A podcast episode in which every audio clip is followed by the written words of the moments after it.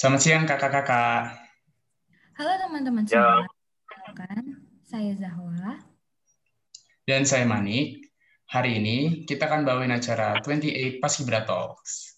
Nah, kita kedatangan tamu nih, yaitu kakak-kakak yang bisa kita bilang senior lah dalam dunia Paskibra. Wah, siapa aja tuh? Terus kok bisa dibilang senior sih? Iya, karena kakak-kakak yang bakal hadir hari ini itu kakak-kakak yang sangat berpengalaman loh Zahwa. Mereka dari Purna Paskibraka Indonesia. Wah, seru banget nih pasti. Kalau boleh tahu, Purna Paskibraka itu apa sih, Manik?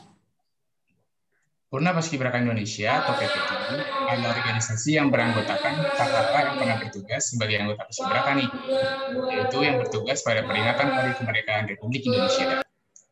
Biasanya mereka bertugas pada tingkat kabupaten kota, provinsi, ada juga yang bertugas di tingkat nasional. Wow, keren banget ya kakak-kakak Purna Paskibra. Pastinya dong. Nah, langsung aja nih kita panggil kakak-kakak Purna Paskibraka Indonesia.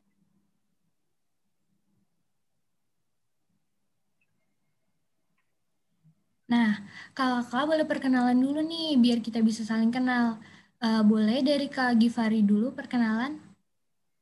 Ya, Assalamualaikum warahmatullahi wabarakatuh. Waalaikumsalam. Izin eh Kak Restu. Izin duluan. Halo, nama saya Muhammad Gifari Fahreziansyah. Biasa dipanggil Gifari. Dari Purna Paskibraka Indonesia, Jakarta Selatan, tahun 2016.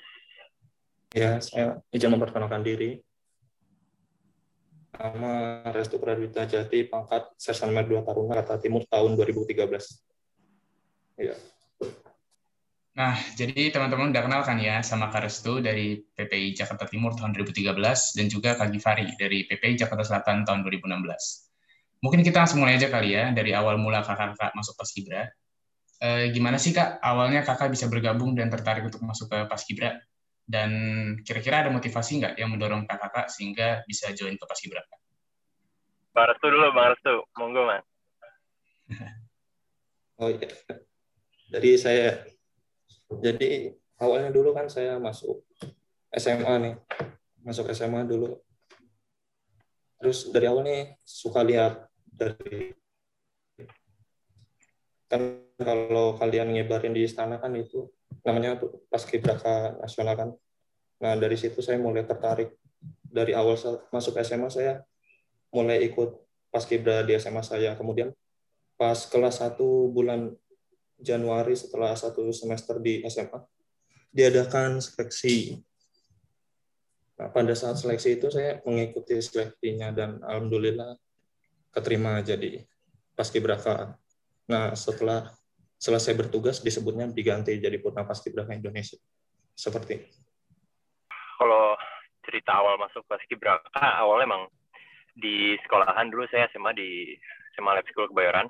Itu ngambil ekskulnya juga paskib. Kalau di sana namanya pemeriah.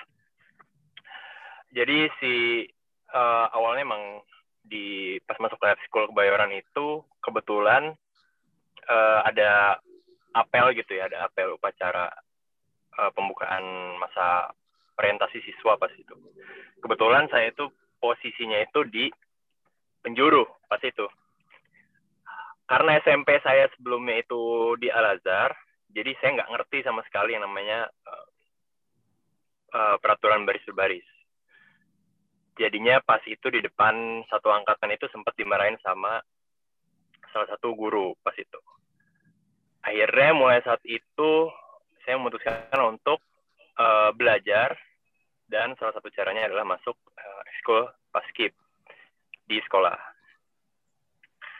Terus lambat laun mulai menyukai polanya, mulai suka dengan eh, eh, dengan ekskulnya tersebut sampai akhirnya masuk paskibraka itu di pas saya eh, tahun kedua SMA kelas berarti kelas 11 masuknya. Jadi telat kelas 10-nya nggak ikut seleksi. Masuk tuh di eh, kelas 11, alhamdulillah eh, lolos seleksi di Jakarta Selatan. Makanya eh, yang pas itu masuknya kelas 2 SMA itu kita nggak bisa ikut seleksi ke DKI karena eh, akan disibukkan dengan hal-hal nanti yang uh, mengarah ke ujian nasional dan dan lain-lain gitu. Keren-keren dan menarik banget ya ternyata banyak juga faktor-faktor yang bisa memotivasi kakak-kakak sehingga bisa masuk ke paskibraka nih. Iya, bener banget tuh. Nah, aku juga penasaran nih, boleh diceritain nggak Kak, gimana sih pengalaman saat seleksi paskibraka? Tegang atau malah seru banget nih? Jadi dulu kan saya pengalamannya pas kebetulan kan saya ikutnya seleksi pas kelas 1 SMA. Nah, itu awalnya diseleksi dari SMA dulu dipilih orang-orangnya. Yang dipilih pertama yang dipilih kalau dari SMA ini di SMA saya tepatnya di SMA 39 Cijantung. Dia dinilai dilihat dari pertama nilai rapot sama kepribadian sehari-hari di sekolahnya. Nah, habis itu yang terjaring lolos nanti ikut seleksi setingkat kelurahan, setelah setingkat kelurahan, setingkat kecamatan. Nah, nanti kalau di setingkat kelurahan sama kecamatan ini pengalamannya yang pasti ketemu teman-teman yang dari SMA SMA lain. Jadi bisa nambah teman terus juga yang pasti kalau lagi seleksi ini nanti kalian pasti tegang apalagi pas mulai pantohir padahal baru tingkat kecamatan tapi sudah mulai tegang kayak gitu terus juga lanjut ke tingkat kabupaten. Nanti di tingkat kabupaten lebih banyak lagi teman-teman yang ditemuin. Terus juga macam-macam orang-orangnya. Yang pasti perasaannya nih ada senang, tegang, terus juga kadang sedih juga kok nggak ketemu teman yang dari kecamatan karena gagal di kecamatan kayak gitu pengalaman yang saya dapat. Kalau saya waktu itu posisinya langsung daftar ke, ke wali kota pas itu kebetulan pelatih di sekolahan juga salah satu pelatih di uh, Paskibraka Jakarta Selatan. Jadi uh, persiapan udah lumayan lama gitu ya. Persiapan itu uh, sekitar 3-4 bulan. Itu persiapan dari segi fisik, uh, terus uh, berat badan waktu itu ada ini juga, ada penyesuaian, terus uh, ya basic PBB juga alhamdulillah sudah di sudah dipegang ya karena tadi masuk di ekskul. Tapi yang menarik itu kebetulan saya itu nggak nggak nggak keterima pada saat itu ya pada saat seleksi itu di wilayah nggak keterima di wilayah. Uh, padahal itu tuh posisinya niat banget seleksi itu udah udah persiapan udah udah pokoknya all out all out banget ke sana tapi alhamdulillahnya nggak nggak diterima pada hari itu itu udah seleksi hari pertama bahkan saya nggak diterima jadi uh, kebetulan karena wali kota Jakarta Selatan itu dekat sama rumah tiap mereka latihan itu saya suka mantau suka suka ke situ gitu loh suka bawa mobil ke sana ngeliat kayak gimana sih latihan basket karena karena emang emang dari awal ada rasa pengen di sana gitu loh posisinya. Mungkin ada beberapa teman-teman tuh yang nggak niat. Bukan uh, dalam arti itu nggak nggak nggak terlalu serius gitu. Ikut seleksi ikut seleksi aja disuruh ikut disuruh ikut aja gitu. Datang. Tapi keterima gitu. Nah kita nih yang niat tuh uh, alhamdulillahnya nggak lolos terus uh, kecewa tapi uh, tetap mantau teman-teman yang tadi yang tadi kita udah kenalan itu kita pantau di sana uh, ngelihat kayak gimana sih latihannya polanya sampai akhirnya uh, pas itu lagi puasa malam lagi terawih selesai terawih itu ada perwakilan dari Jawa Selatan yang japri bahwasanya ada satu orang yang keluar dan ditanyakan kembali ke kita bersedia atau enggak untuk menggantikan posisi si seseorang yang keluar tadi. Terus karena dari awal dan niat akhirnya kita ambil kesempatan itu dan besoknya udah langsung datang ke Jakarta Selatan.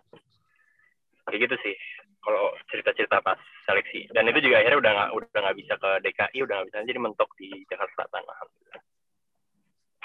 Baik, terima kasih Kak. Nah, ternyata seru banget dan keren-keren banget ya pengalaman uh, dari seleksi uh, sampai akhirnya juga masuk ke Paskibra itu. Uh, aku juga mau nanya nih Kak, kira-kira usaha Kakak uh, saat seleksi itu uh, kebayar nggak Kak? Atau impas nggak sama hasil yang dapat saat uh, mungkin satu jadi paskibraka atau mungkin satu jadi purna sekarang? Kebayar. Kebayarnya nih apalagi pas kalau udah keterima paskibraka terus ngasih apa kabar bahagia ini ke orang tua yang pasti bisa ngebahagiain ibu sama ayah itu udah nggak ada harganya. Jadi titik kebahagiaan saya itu bisa ngebagian orang tua saya pas saya tahu lulus pas di belakang ibu ibu sama ayah saya itu bahagianya itu beda gitu loh. Jadi nggak bisa diungkapin dengan kata-kata. Jadi di situ saya punya motivasi lebih tinggi lagi buat lebih semangat lagi latihan di pas di berapa walau awalnya berat tapi berangsur-angsur kan karena latihan bersama bareng-bareng sama teman-teman. Nanti rasanya nggak ada apa-apa dibanding sama kabar kebahagiaan orang tua. Jadi menurut saya itu. Oh, jadi kayak uh, kebahagiaan orang tua tuh uh, bikin kebayar banget gitu ya? Kebayar impas. Lebih dari impas lah. Banyak untungnya. Alhamdulillah. Nah uh, tahu nggak kebetulan banget uh, Manik juga mau seleksi buat jadi paskibra nih kak. Benar banget nih Zahwa. Uh, kira-kira kakak ada tips and trick nggak kak buat aku atau teman-teman yang lagi nonton yang mau daftar jadi paskibraka? Kalau dari saya, buat adik-adik yang mau daftar paskibraka atau lagi seleksi, yang pasti yang pertama disiapinnya doa, terutama doa orang tua nanti kalau kalian mau berangkat tes nih pagi, kalau enggak dari malamnya ngomong ke orang tua Bu, ayah, saya izin ikut seleksi apa namanya paskibraka. Mohon doanya yang terbaik, terbaik kayak gitu. Terus juga nanti pas sudah sampai seleksi, sebelum berangkat jangan lupa perlengkapannya disiapin biar di tempat seleksi nggak ada yang ketinggalan. Sama udah di tempat seleksi juga berdoa lagi, berdoa untuk diri sendiri. Kalau diri sendiri sama untuk teman-teman satu sekolah karena kalau teman-teman satu sekolah banyak itu jadi ya punya teman ngobrol yang satu lingkungan terus jadi punya motivasi sendiri sama teman-teman. Nah, kayak gitu menurut saya. Kalau menurut kalau menurut saya yang penting tadi benar saya setuju sama bang itu tadi masalah doa itu penting banget nomor satu. Yang kedua bagi saya sih niat. Niat. Kalau udah niat emang dari awal niat untuk masuk ke dalam pasti akan all out. Pasti akan uh, go with the flow aja gitu loh. Karena apa yang kakak kakaknya suruh pasti akan kita kerjakan itu dengan dengan penuh hati gitu ya. Nggak ada nggak ada rasa gondok gitu. Karena emang dari awal kita udah niat. Kalau yang masalah teknis tadi bang Restu juga udah sampaikan mungkin yang masalah kelengkapan peralatan dan lain-lain harus disiapkan terus kalau saya sih ada ada ada sedikit tambahan itu um, perbanyak teman pas seleksi. Karena kita nggak tahu uh, teman kita itu suatu hari nanti akan jadi akan jadi apa. Mungkin mungkin awal kita remehin dia tapi siapa tahu di kemudian hari dia bisa jadi orang yang nomor satu menyelamatkan kita gitu dalam situasi yang misalkan kita ada masalah atau dan dan lain-lain gitu jadi perbanyak teman aja jangan sok merasa paling pinter paling bisa paling ngerti uh, keep it low key lah kalau dari saya. Wah, berguna banget nih pasti and dari kakak-kakak. Uh, semoga buat teman-teman yang mau daftar uh, bisa dapat hasil yang terbaik sih. Amin. Amin. Benar banget tuh. Kalau boleh tahu kesibukan kakak-kakak sekarang tuh apa aja sih? Uh, kayak setelah menjadi senior di PPI, apakah kakak memilih untuk melakukan karir yang berhubungan dengan paskibra atau malah sebaliknya? Ya, jadi kalau saya dulu kan setelah selesai ngebarin bendera, bendera turun nanti disebut jadi purna paskibraka soalnya tugasnya udah selesai. Nah setelah itu saya milih tetap aktif di organisasi PPI karena kan di Jakarta Timur sendiri setiap beberapa bulan sekali punya event. Jadi nanti panitia panitia biasanya dari PPI PPI PPI yang masih aktif di organisasi. Nah dari organisasi ini saya juga punya banyak teman terutama senior senior yang angkatan terdahulu terdahulu atau angkatan yang lebih tua.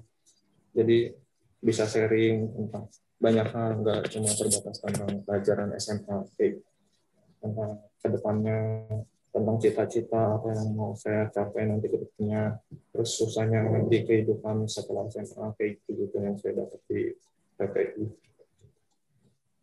Eh, kebetulan kalau aktivitas sekarang uh, fokus di usaha di bidang properti, um, real estate agent juga, bangun rumah juga, dan uh, paskibraka itu lumayan lumayan berpengaruh ya makanya uh, bisnis partner saya juga empat lima orang tuh udah udah paski purna paskibraka semua.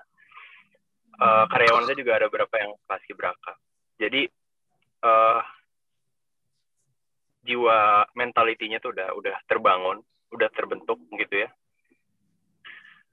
jadi trust kita ke mereka tuh ya udah udah udah ada aja gitu loh uh, untuk milih untuk milih karyawan untuk milih untuk menempatkan orang di posisi sesuatu yang strategis, saya pikir pas orang Pura Paskibraka tuh capable sekali gitu ya untuk untuk bisa uh, mentalnya kuat apalagi di bidang usaha gitu ya karena perlu mental yang uh, yang tahan banting gitu sih.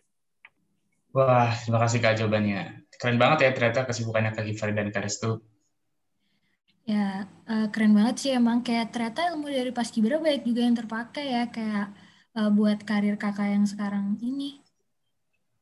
Nah, boleh diceritain nggak kak, kira-kira tantangan terbesar yang dirasakan saat uh, seleksi paskibraka itu apa sih kak, dan gimana cara kakak menanganinya?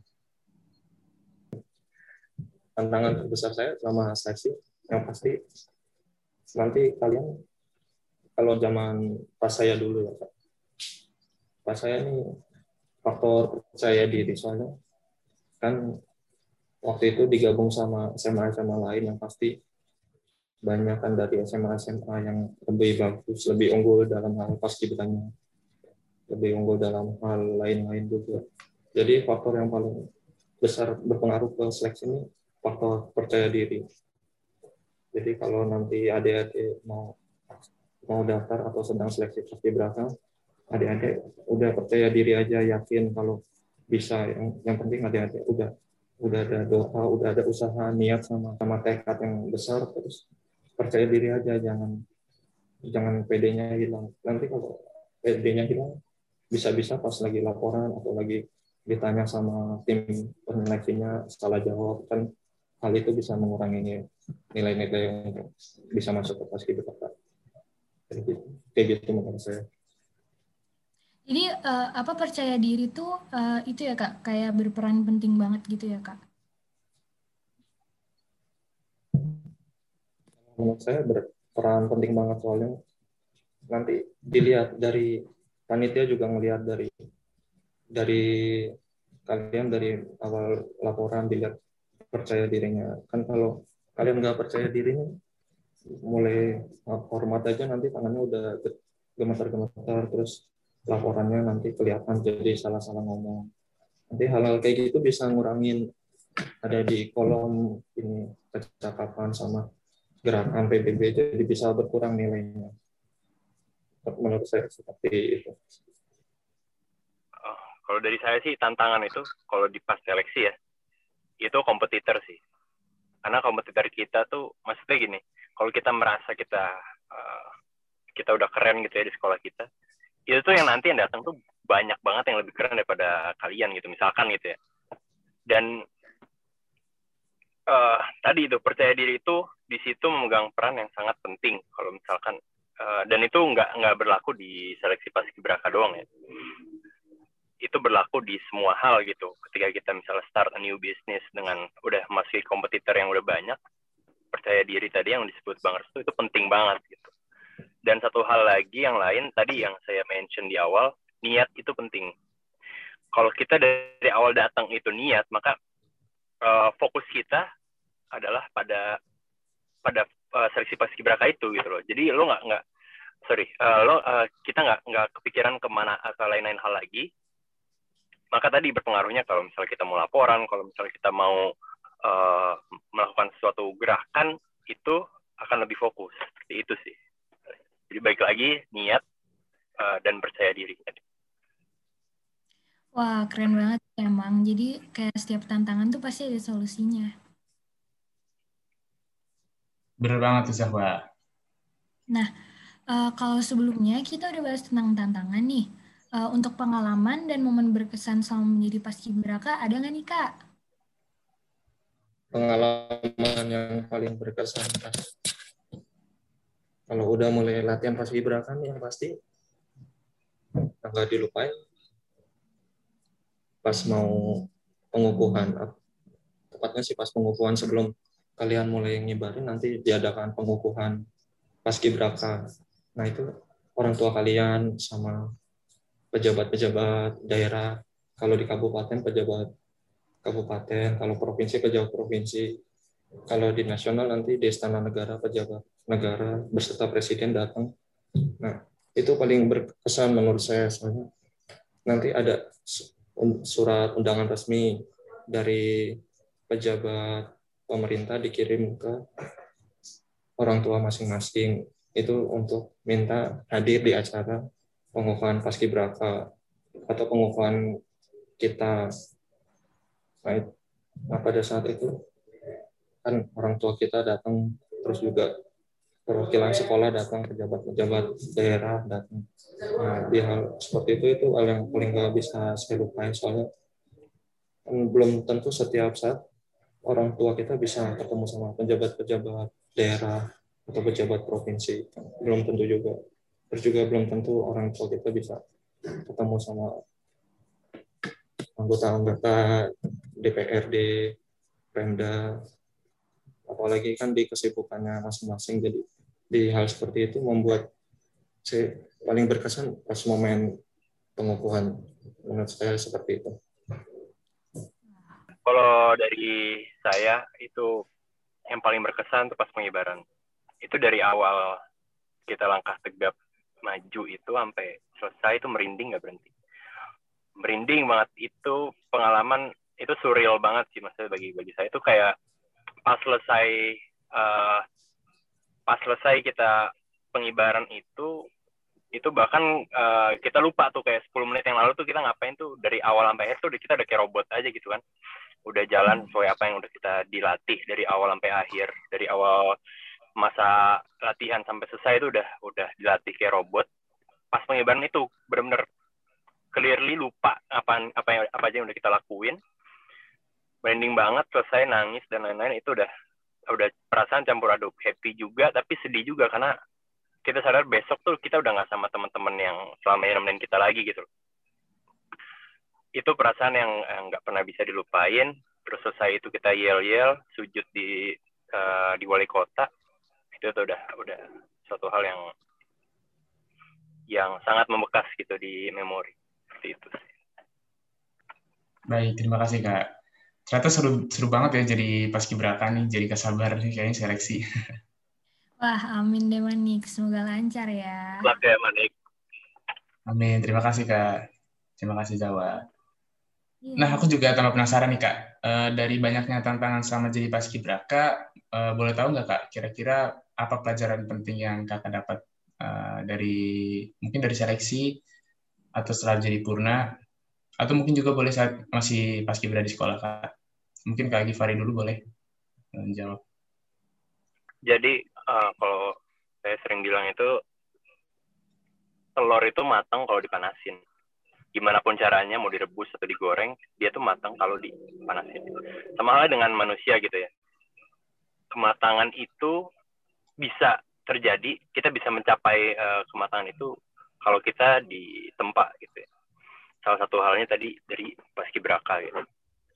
Kalau Bang Resto udah pasti tempahannya udah jauh lebih berat dibandingin saya nih pasti pengalamannya. Tapi bagi saya uh, itu pertama tadi kematangan itu dan kedewasaan itu diukur dari kematangan bukan dari umur maupun uh, uang gitu ya. Ha, hal selanjutnya yang yang paling penting dari paskibraka itu sih networking ya yang yang sekarang ngaruh ke saya tuh networking itu penting banget karena uh, yang masuk ke paskibraka tuh pasti bukan orang sembarangan. Dan teman-teman yang nanti di dalam teman-teman sangkatan kalian mungkin ada yang kalian remeh. Mungkin ada yang kalian remehin atau atau dia nggak bisa saat ini. Itu siapa tahu di kemudian hari.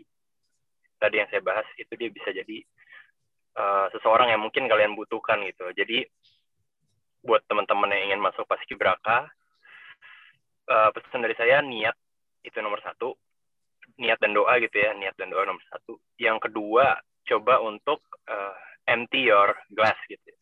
kosongkan uh, gelas kalian kosongkan otak kalian. Uh, you have to learn to unlearn gitu kalau bahasanya untuk uh, mengkosongkan gelas kalian. Karena apa? Karena itu uh, akan membuat kalian lebih rendah hati. Maka ketika senior kalian nyuruh kalian untuk ngapain itu kalian nggak ada gondok gitu di hati. Dan itu berpengaruh banget di kemudian hari kenapa karena uh, banyak teman-teman saya yang dulunya marah-marah disuruh ini disuruh itu di uh, di inilah ya pokoknya disuruh apa kayak push up atau lari atau gitu ya. Dulu marah-marah mulu, sekarang nggak jadi apa-apa gitu.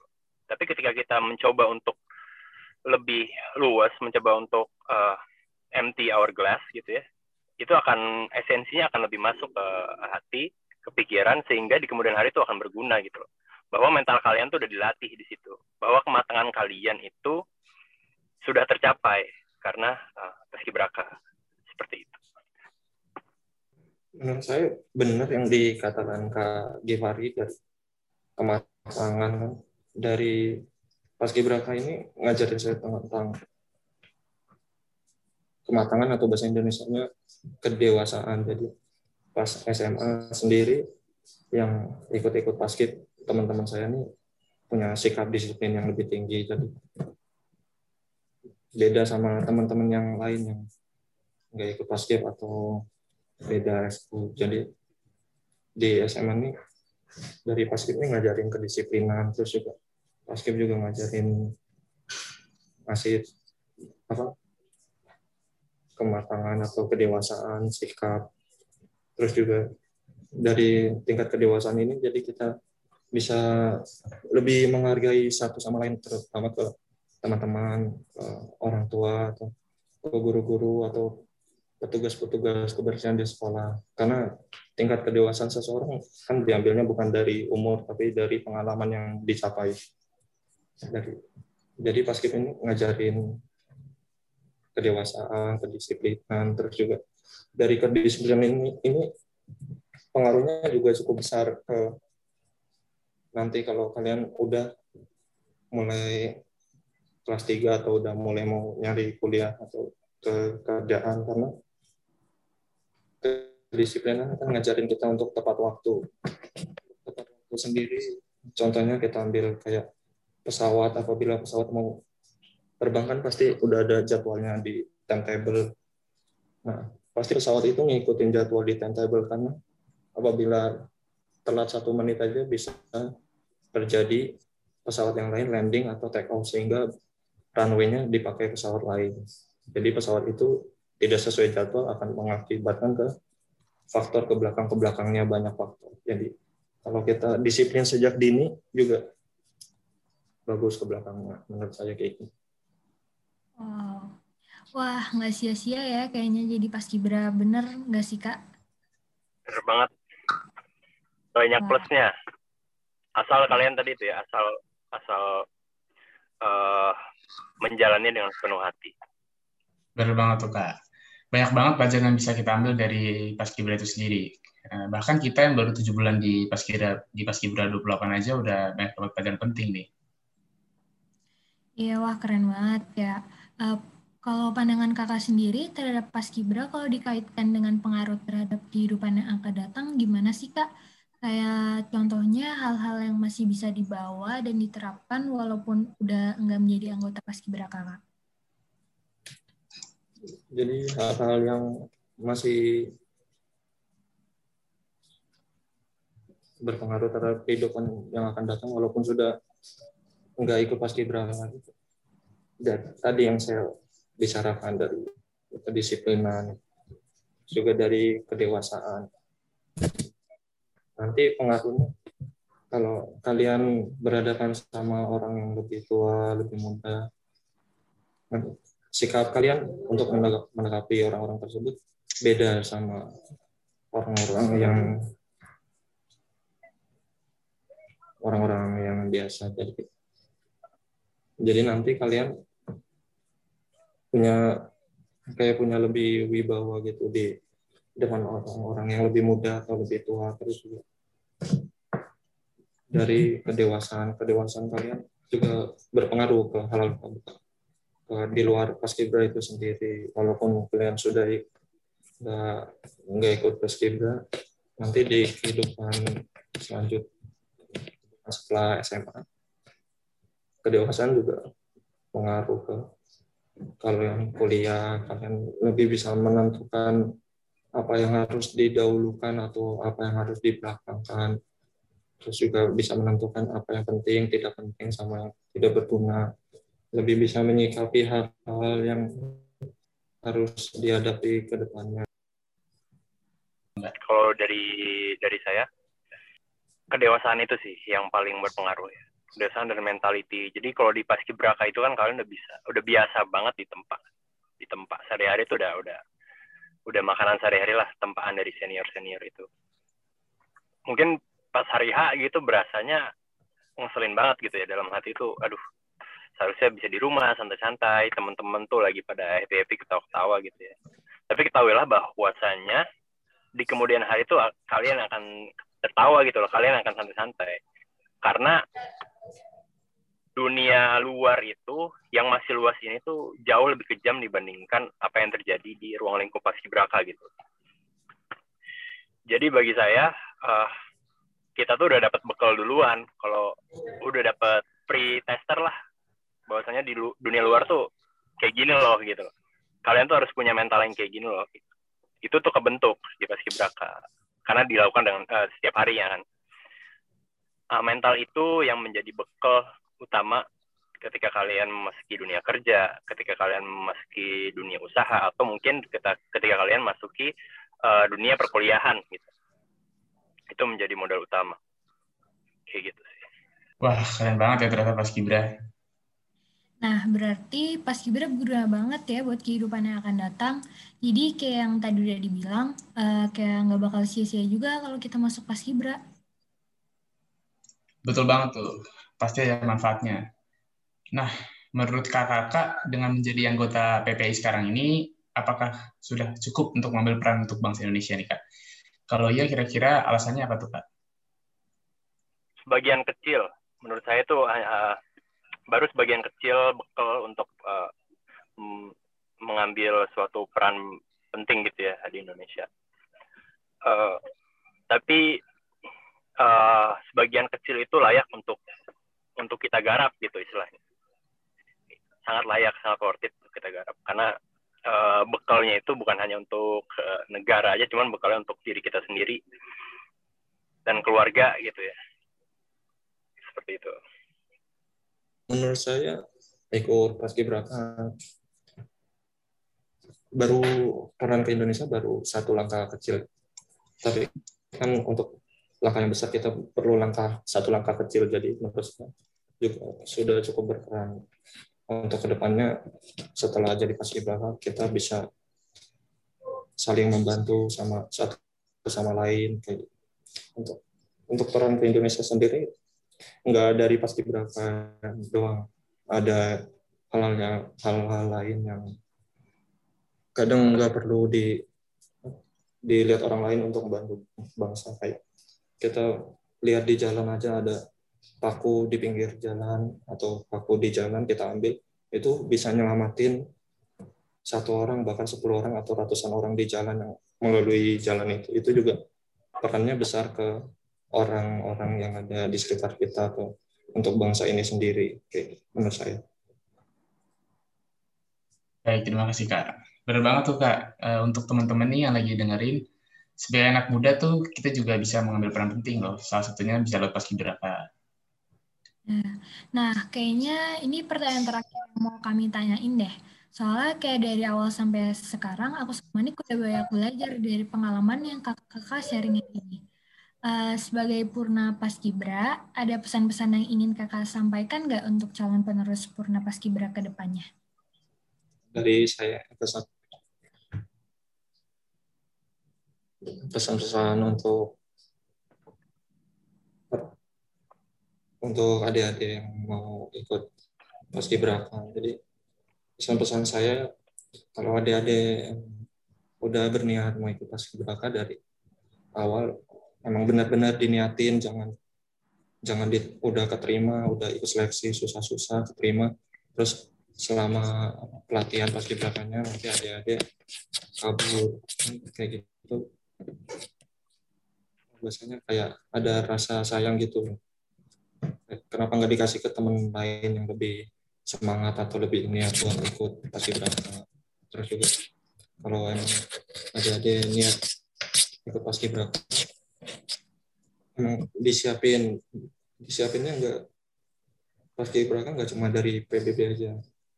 Banyak banyak faktor yang menentukan buat seseorang diterima di paskibraka kayak sikap terus kepribadian terus attitude. Orang maksud saya bahasa Indonesia-nya kayak sopan santun ke rekan-rekan. Karena tim penyeleksi atau tim panitia kadang mereka juga kadang nyebarin kayak tim-tim kus bukan tim kus maksudnya tim-tim tersendiri gitu buat melihat keseharian adik-adik di lingkungan sekolah. Nanti ditanya misalnya adik adik manik di sekolah kayak gimana sih? Nah kayak gitu. Jadi mulai dari sekarang dijak bicaranya dijaga sikapnya dijaga. Terus juga hal itu kan juga kalau mulai dari SMA dijaga nanti. Bukannya malah bagus kalau dilihat ke adik-adik SMA-nya nanti kalau kalian jadi udah jadi senior kelas 2 atau senior kelas 3 misalnya kakak Malik kalau bicaranya sopan santun orangnya tegas nah, kayak kayak gitu. Pesan-pesan saya buat adik-adik yang mau ikut skim berapa kalau dari saya sih pesan untuk adik-adik yang mau ikut seleksi atau uh, belum menentukan ingin atau enggaknya yang yang pasti niatin untuk belajar di paskibraka paskibraka itu untuk belajar bukan untuk uh, show off ke teman-teman kalian di sekolah. Kalau kalian tuh anak paskib paskibraka kalau kalian tuh bisa ngibarin bendera di uh, wilayah provinsi maupun nasional gitu ya. Bukan itu esensinya gitu loh. Esensinya gimana caranya kalian bisa jadi uh, sebuah sponge yang mampu menyerap apa yang kakak-kakak kalian uh, berikan gitu ya kepada kalian di masa kepelatihan nanti. Kalian harus bisa menyerap itu semua sekaligus memfilter apa yang baik dan apa yang enggak apa yang mungkin bisa diperbaiki ke depannya. Uh, itu perlu difilter juga. Gitu. Jadi uh, cobalah untuk tadi yang saya bilang empty your glass. Kosongkan gelas kalian. Anggap aja kalian bukan siapa-siapa di situ. Kalian pure kalian belajar di dalam. Sehingga semua yang diberikan kalian tuh bisa kalian bisa kalian terima gitu. Karena kalau gelas itu penuh kan diisi pun dia nggak nggak akan nggak akan terisi dengan baik gitu ya. Dan kalau itu bocor juga itu nggak akan uh, terisi dengan baik juga gitu. Jadi pesan dari saya tadi yang paling penting adalah empty your glass supaya kalian bisa belajar dan Baik, terima kasih Kak. Nah, benar banget tuh seperti yang dari kata uh, oleh kakak-kakak tadi, kalau kita mau ngelakuin sesuatu tuh kita harus niatin, jangan lupa berdoa, dan mau untuk belajar. Iya, inspiratif banget sih ini. Nah, nggak kerasa ya, udah banyak banget nih hal-hal yang kita dapat dari Kak Givari dan Kak Restu. Iya, benar banget nih. Seperti percaya diri, kedewasaan, banyak berdoa, tekad yang kuat, dan pasti niat ya saat menjadi paskibra. Uh, tapi sayangnya kita udah di ujung acara nih. Wah, iya ya. Sayang banget. Padahal masih banyak nih yang bisa di-sharing dari kakak-kakak.